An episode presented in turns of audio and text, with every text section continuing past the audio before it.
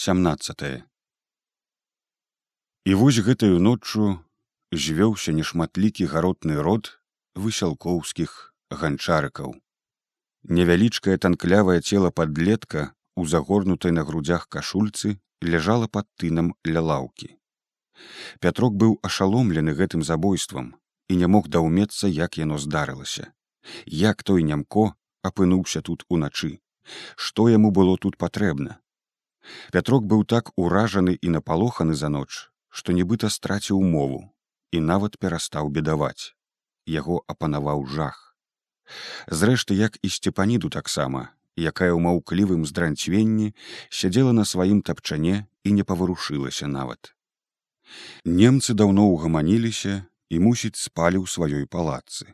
Не спаў толькі іх вартавы, які то стаяў пад страхой ля прыступкаў, то памалу тупаў сюды туды па падворку. Калі трохі зашарэлася святло ў вакенцы, як заўжды бразнуў посуд ля кухні, то браўся за сваю справу карла. Пятрок адзначыў пры сабе гэтыя гукі і схамянуўся з паўсоннага забыцця.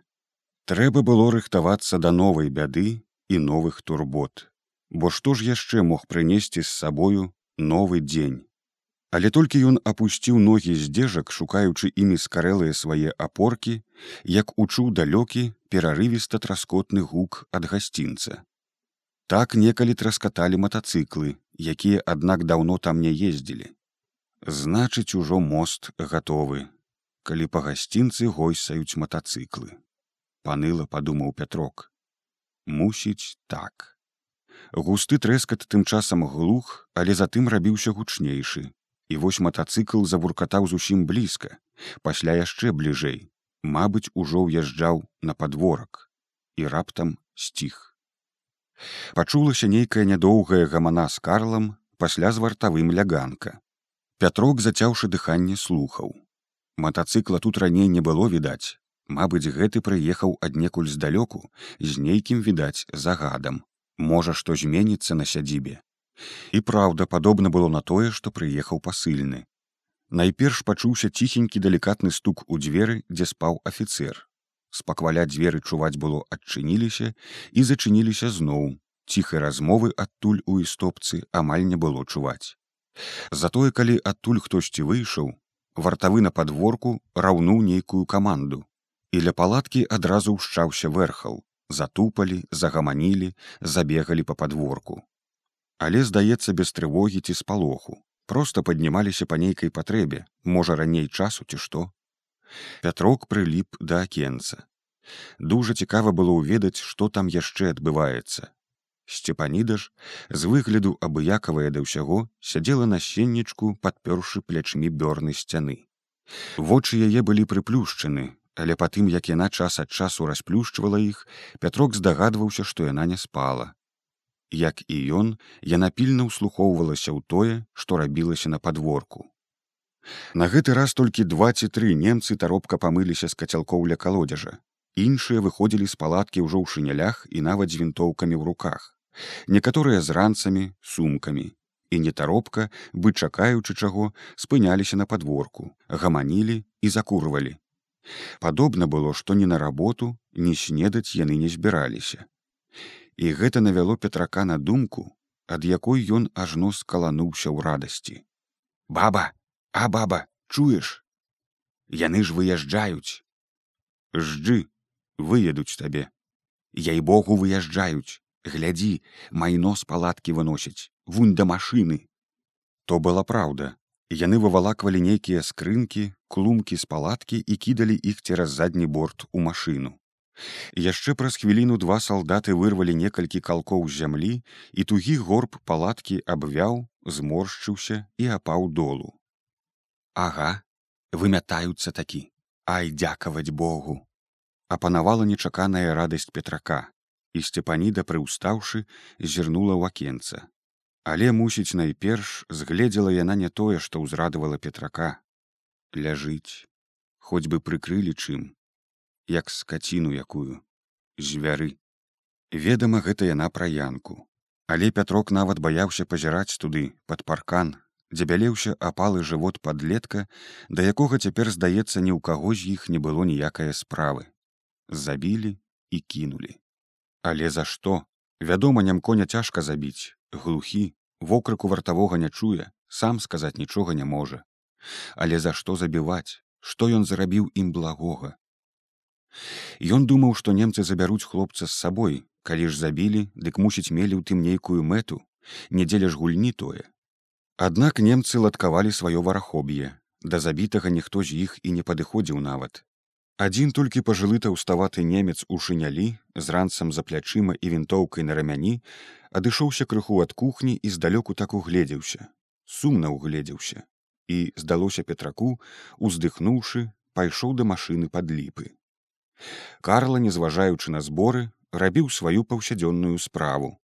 Шураваў у топцы падкладваў туды дровы. У котле нешта закіпала і сырая пара густа шыбавала адтуль церастын паветры.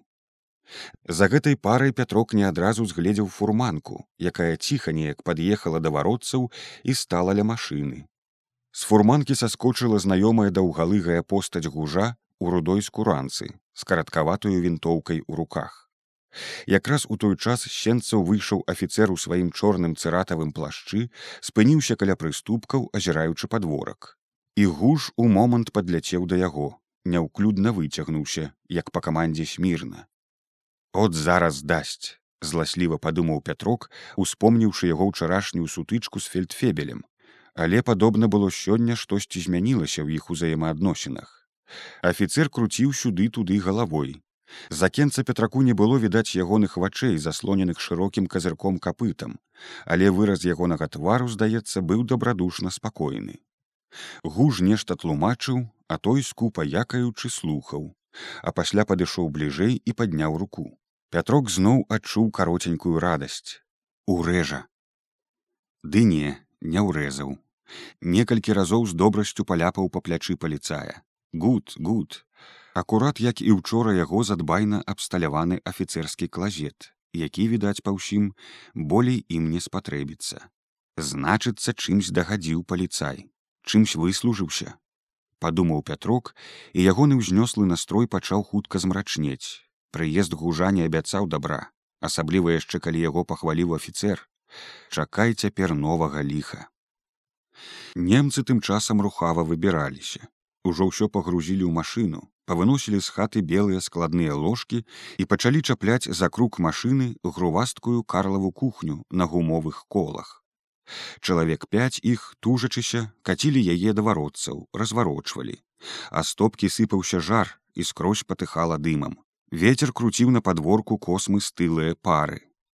Гуш памагаў там а пятрок стаяў ля акна і думаў ірві кішкі каці а я не пайду і не выйду калі не выганяць. Вочы б мае не бачылі вас злыдняў. Пастралялі курэй забілі карову застрэлілі хлопчыка. За што? Хіба гэта по-людску калі не людзей дык пабаяліся бога. Бог жа ўсё бачыць. Мусіць ён ім яшчэ спомніць іхнія зладзействы на чужой зямлі Урэшце ўсё было скончана усе там пазалазілі пад брызент на машыну фельдфебель трушком апошні раз абабег падворак і таксама палез у кабіну. Пра гаспадароў дзякаваць богу яны не ўспомнілі не развіталіся значыць не мелі патрэбы гаспадары тым болей.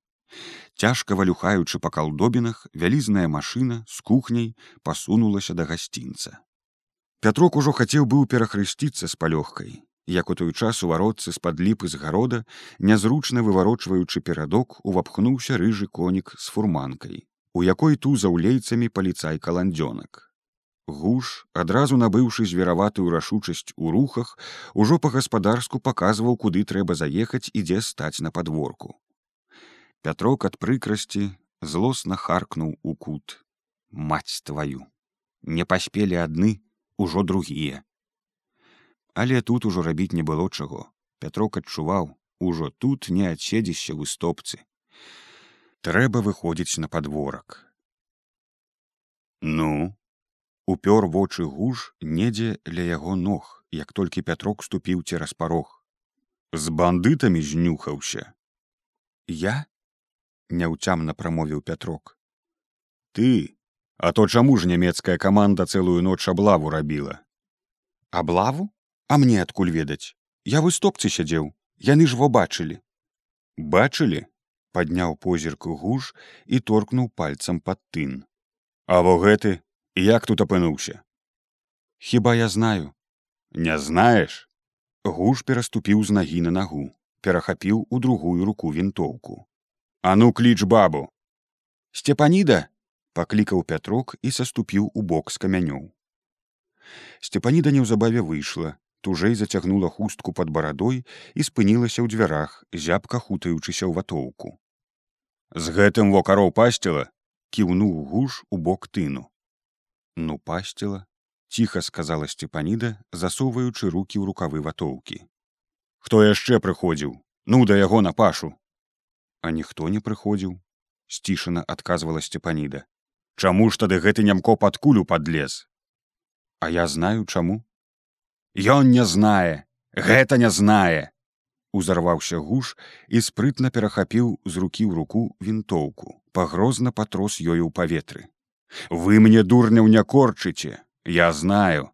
Наскрозь бачу абаіх асабліва цябе акцявістка ужо тая вінтовачка тваіх рук не мінула працінаючы сцепаніду злым позіркам гырчэў гуш сцепаніда затаіўшы дыханне засяроджана пазірала кудысь пад ліпы сказаць усё можна уставіў сваё пятрок. Але грэх не знаючы на каго валіць. Мы тут во у істопцы сядзелі. Шчытай падарыш там калі б што фурманка стаяла ў двары. Конік панура апусціўшы галаву мусіць спаў.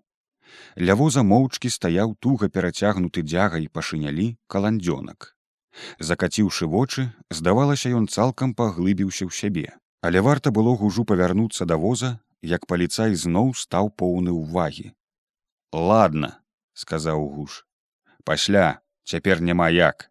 Давай таго пацана ў воз спакайней сказаў ён петраку і скіраваў да паркана. Каландзёнак кінуў лейцы на ахапак сена ў возе. Зацяўшы страх у душы пятрок нерашуча падышоў да распластанага цела падлетка у скарэлай цёмнай кашульцы галава яго была закінута патыліцай у траву і на скроні ля вуха прысох камяк гразі ці можа крыві крывавыя пісягі на голым выпацканым жываце таксама падсохлі ўжо. Падышоўшы, пятрок аслупянеў, не ведаючы, як узяцца за хлопчыка. Тады каландзёнак ухапіў забітага за голыя парэпаныя лыткі ў караткаватых лапляных штанах і нібы якую лясіну безуважна павалок да фурманкі, разграбаючы ім смецце ў доле. Яначкавы руки нязручна растапырыліся, галава на танклявай шыі трохі заварушылася, як у жывога. Божа Божа, жахнуўся пятрок млосна ідучы следам что дзеецца бяры што стаў гыркнуў здаля гуш калі яны спыніліся ля фурманкі. Сам аднак не падступіўся да хлопца круціў самасаду цыгарку. Удвух з каландзёнкам яны паднялі трохі цяжкаватае ўжо апруцянелае янкава цела паклалі яго на фурманку. Каландзёнак трохі захінуў яго сенам болей дзеля прыліку. Усё роўна было відаць хто ў возе пятрок думаў што цяпер яны паедуць і ўжо адышоўся трохі ў бок каб не замінаць фурманцы як гуш выпаліў ты тоже з намі куды на работу а што ж пазагаралі як на курорце. Цяпер на работу. Мост дарабляць а як жа? Вунь местачкоўцы который дзень укалываюць а вы тут запанелі под бокам у немцаў каб ты так усё жыццё панеў смоўж пракляты паныла падумаў пятрок ведаючы аднак што прыйдзецца ісці. Ужо гэтага не ўпросіш асабліва пасля таго што тут здарылася на гэтай сядзібе. Добра яшчэ што не заарыштаваў на зусім а толькі выганяе на работу лаючыся ў душы пятрок пайшоў за фурманкай у якую ўжо на хаду скочылі паліцаі. Каландзёнак кіраваў канём а гуш сядзеў ззаду ледзь не да зямлі звесіўшы даўгія ногі і цікаваў за петраком каб не ўцёк мусіць. Але куды было ўцякаць? Пятрок тут пражыў паўжыцця выгадаваў дзяцей пазнаў столькі турбот страху і гора. А можа трохі і радасцю маладыя годы. Як далі зямлі агораў сваю гаспадарку. Куды было ўцякаць? Ён быў чалавек ціхі і мусіў рабіць усё што не скажуць. У іх была сіла А што было ў яго? Спрацаваныя руки раматус у нагах ды немаладыя гады за плячыма. Што ён мог выставіць насуперак ім? Хіба дзе схітрыць трошки але і то з немцамі. З гэтымі ж не надта і схітрыш. Гэтых не ашукаеш. Ды і з немцамі тыя хітрыкі абярнуліся ліхам.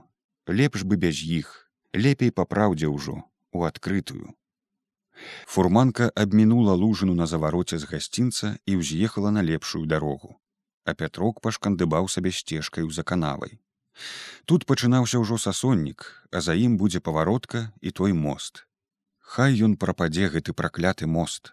Колькі праз яго напасцяў на іх ехімоўшчыну як было добра калі ён быў зруйнаваны бомбамі і два месяцы ніхто тут не хадзіў і не ездзіў.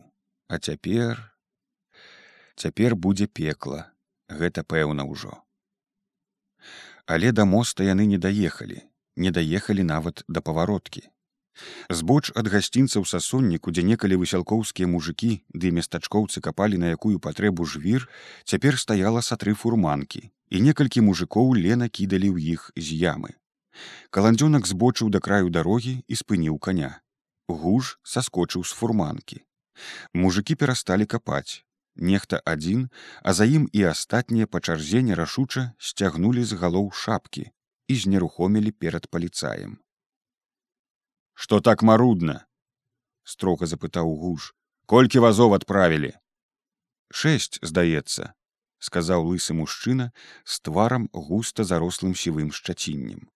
Пятрок пазнаў у ім ігната дубасея з-за гразя некалі яшчэ да калгасаў дубасей вырабляў аўчыны і пятрок хадзіў да яго як надумаў пашыць кажушок. Во гэты самы што быў у яго на плячах. Цяпер з няпэўнасцю стоячы на дарозе ля яміны ён не ведаў як быць. Ці як усе зняць шапку ці стаяць як стаяў. Але каб залішне не вылучацца ад іншых таксама ціхенька сцягнуў з галавы суконную кепку. Трэба дванаццаць душу з вас вон! Чуеце? Раптам пачаў звярэць гуш трэба шавяліцца не гультаяваць. Не за саветамі вам. Перакурваеце мусіць зашмат. Ды мы ніякіх перакураў. Да цямна каб засыпаць шашу. Ты! Кіўнуў ён каландзёнку. Злазь і сачы каб ніхто нікуды. Работаць мне работаць! Каландзёнак паклаў лейцы на воз і выцягнуў з-пад сена сваю даўгую вінтоўку. На яго месца сеў гуш Напаследак ён абвёў ненавісным позіркам яміну і трох прыціхлых мужикоў у ёй, згледзеў петрака на ўзбочыне. Ты багацька, у падмогу! І шнель, шнель, шнель, понятно. Фурманка з гужом пакаціла да рэчкі. Нехта з мужикоў прабурчэў штось незадаволена, нехта ўздыхнуў. Пятрок па сыпучым адхоне сышоў у яміну і ўзяў рыдлёўку з надламаным тронкам, што тырчэла з боку ў пяску. У гары над імі стаяла недагружаная фурманка, але яе з вінтоўкай пад паха як вартавы слупам застыў каландзёнак. Ягоныя вочы зноў закаціліся пад павекі. Здаецца, у думках ён далёка паляцеў адгэтуль. Наўрад ці хутчэй, чым дагэтуль яны пачалі кідаць жвір у гору у фурманку. Кідаць было нязручна, высока, яміны сталі даволі ўжо глыбокія, блізка ад дарогі жвір выбралі і капалі ўсё далей. Пятрок хутка ўгрэўся, стала гарчыць у грудях. Ён запаволіў тэмп, а пасля і зусім прыпыніў працу, абапёрся аб тронак рыдлёўкі. Але толькі ён разы два спакайней уздыхнуў, як на абрыве страпянуўся каландзёнак. Капаць! Дык гэта сынок. Сынок, аднак ужо ўхапіў вінтоўку і зашчоўкаў затворам, гатовы стрэліць. Пятрок крыху спалохаўся, руки самі схапіліся за тронак рыдлёўкі ён кінуў трохі жвіру фурманку і каландзёнак апусціў вінтоўку прыкладам у дол. Ну і гад падумаў пятрок. Чаму яго маці не прыдушыла малога? Гэты ж горш загужа. З тым хоць пасварыцца можна неяк апраўдацца а гэты адразу хапаецца за вінтоўку. Накапаўшы вазы чатыры пятрок трудна выпрастаўся гружаны воз выязджаў на дарогу здаецца болей вазоў не было можна было б трошки спачыць але не паспеў ён узрадавацца як з-за павароту зноў застукацелі колы і неўзабаве прыезджы ўжо асаджваў задам каня, зручней падстаўляючы воз. Гэта быў карніла з высілак, як заўжды стрыманы, негаваркі, ладна апрануты ў яшчэ мала ношаную шэрую суконную паддзёўку. Апошнім часам карніла адпусціў чорную касмылявую бараду і выглядаў дзед дзедам, хоць быў на пяць год маладзейшы за пятрака. Яны ўжо шмат год не віталіся і не размаўлялі, але цяпер карніла згледзеўшы ў ямені пятрака стрымана кінуў дзень добры і пятрок неяк радасна загаманіў. Дзень добры ага тоже выгналі с канём нават. Ды ўжо во чацвёрты дзень рупімся сказаў у бараду карніла таксама беручы з воза рыдлёўку спяшаюцца мост трэба каму трэба? А нам дык з гары ён ясным агнём. Мост гэты. Карніла коротко зыркнуў на пятрака адным вокам, скоса паглядзеў на каландзёнка, які ўжо навастрыў вуха да іхняй размовы і гучна сказаў: мусіць, каб чуў паліцай. Трэба, трэба памагчы нямецкай арміі, а як жа. Пятрок неякавата змоўчаў, не ведаючы, як прымаць тыя ягоныя словы. Збоку мяркуючы, дык казаў ён быццам па шчырасці, быццам гэтак і думаў. Але пятрок думаць так не хацеў, таму і змоўк ведаў надта сам у сабе гэты хітры карніла з ім не пагамоніш што б ён не казаў усё меў нешта на мэце сваё несказанае асабліва такі стаў год дзесяць назад як выкінулі з калгаса у які ён толькі ўступіў. Добра яшчэ не выслалі. І карніла пачаў рабіць у мястэчку. Спярша ў прам арцелі а пасля гады чатыры дзяжурыў у пажарнай камандзе. І як аказалася зажыў не горш чым яны ў калгасе а можа і лепей. Яны капалі без пярэдыху да паўдня і пасля паўдня. Фурманкі ўсё гойсалі на мост і з моста. Балазе відаць было блізка которые на конях дык тыя хоць адпачывалі як везлі туды ці ў лекцы ехалі адтуль. А бясконныя пятрок з дубасеем не ведалі ні хвіліны адпачынку і ўжо думалі што ўпадуць ад знямогі. Ігнат хоць быў здатні для таго апрануты у суконны каптан.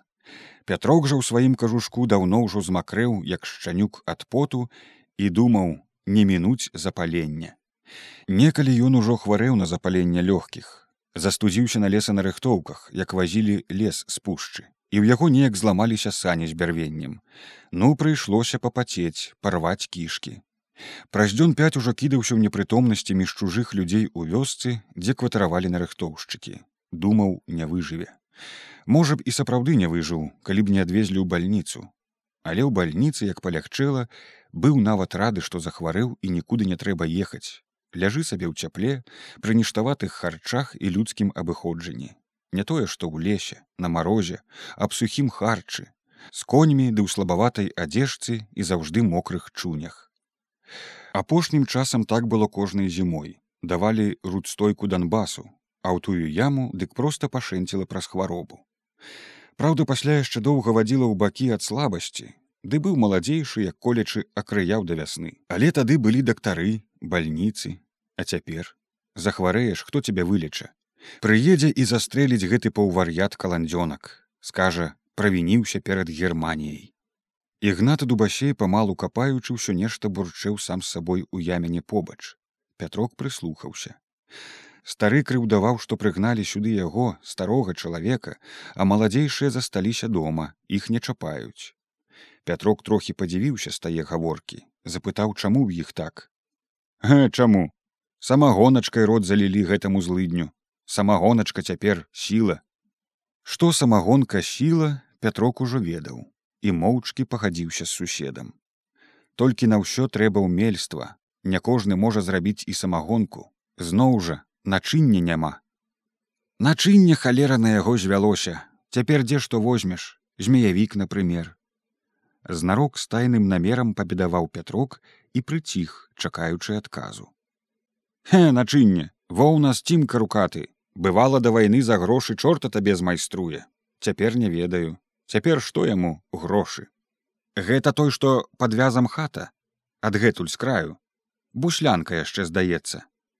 Ёсць і буслянка хата ладная ў яго под дранкай пятрок яшчэ хацеў удакладніць нешта але зверху ад дарогі іхнюю размову ўжо чуў каландзёнак і віскнуў танклявым голасам. Не разгаварваць капаць! Капаем капаем! Каб табе гэту лапату ў горла ціха зазначыў дубасей а гучней з ліслівасцю загаманіў да паліцая. Сынок гэта мне па нуждзе каб ну у лясок га? Капаць! Дык па нуждзеш сынок! У яміне! Дык як жа ў яміне? Чалавек жа я мне трэба але каландзёнак нібы аглушаны ўжо закаціў вочы і здавалася нічога не бачыў навакол Тады стары уваткнуў у жвір рыдлёўку і дужа наморшчыўшы свой зашчацінілы твар, палез па абрыву з'яміны на той бок, дзе зачынаўся дробненькі малады сасоннік. Назад! віскнуў з дарогі каландзёнак, але дубасей ужо вылазіў з-пад абрыву нароўнае пад сасонкі. І пятрок, гледзячы на яго знізу, бачыў толькі яго галаву чорнай касматай шапцы. Раптам гэтая шапка смешна падскочыла ў гору і ў тое ж імгненне з другога боку ляснуў гулкі вінтовачны стрэл. Шырока расставіўшы даўгія ногі, каландзёнак перазараджаў вінтоўку. Назад! Стары дубасей задам поўз па абрыву, сунучы сабой жвір, і пятрок аж жахнуўся. Забіты. Але не, здаецца жывы, толькі збялелы як палатно і без шапкі. Споўшы данізу, не адразу неяк аслабела хістка падняўся на ногі. Капаць! Быстро шнель! Віскаў з дарогі паліцай трымаючы аберучы вінтоўку. Невідушчымі поўнымі слёз вачыма дубасей агледзеў яміну слепа нашарыў збоку сваю рыдлёўку. Божа мой Божа ціха шапталі ягоныя вусны што ж гэта як жа гэта Мы ж некалі з ягоным бацькам таварышавалі. Разам у салдатах служылі. Бацька ж чалавек быў. Ну і змяя, ну і гадзюка, думаў Пятрок, знясілена точачы ў жвір рыдлёўку. Чаму яго малога хвароба не ўзяла? Колькі харошых людзей пагінула, а гэты во раскашуе. Як усё несправядліва на Божым свеце. Каландзёнак не даў ім не перакурыць не перадыхнуць хоць крыху. Подводы ішлі і ішлі і яны капалі і кідалі капалі і кідалі. Ужо яміна стала глыбокая ў рост чалавека. Трэба было добра размахнуцца каб дакінуць да воза а руки ўжо не слухаліся. Дубасей капаў побач без шапкі з голай як калена нічым не прыкрытай галавой і ў вачах у старога было поўна слёз якія ён кратком выціраў за скарузлай рукой.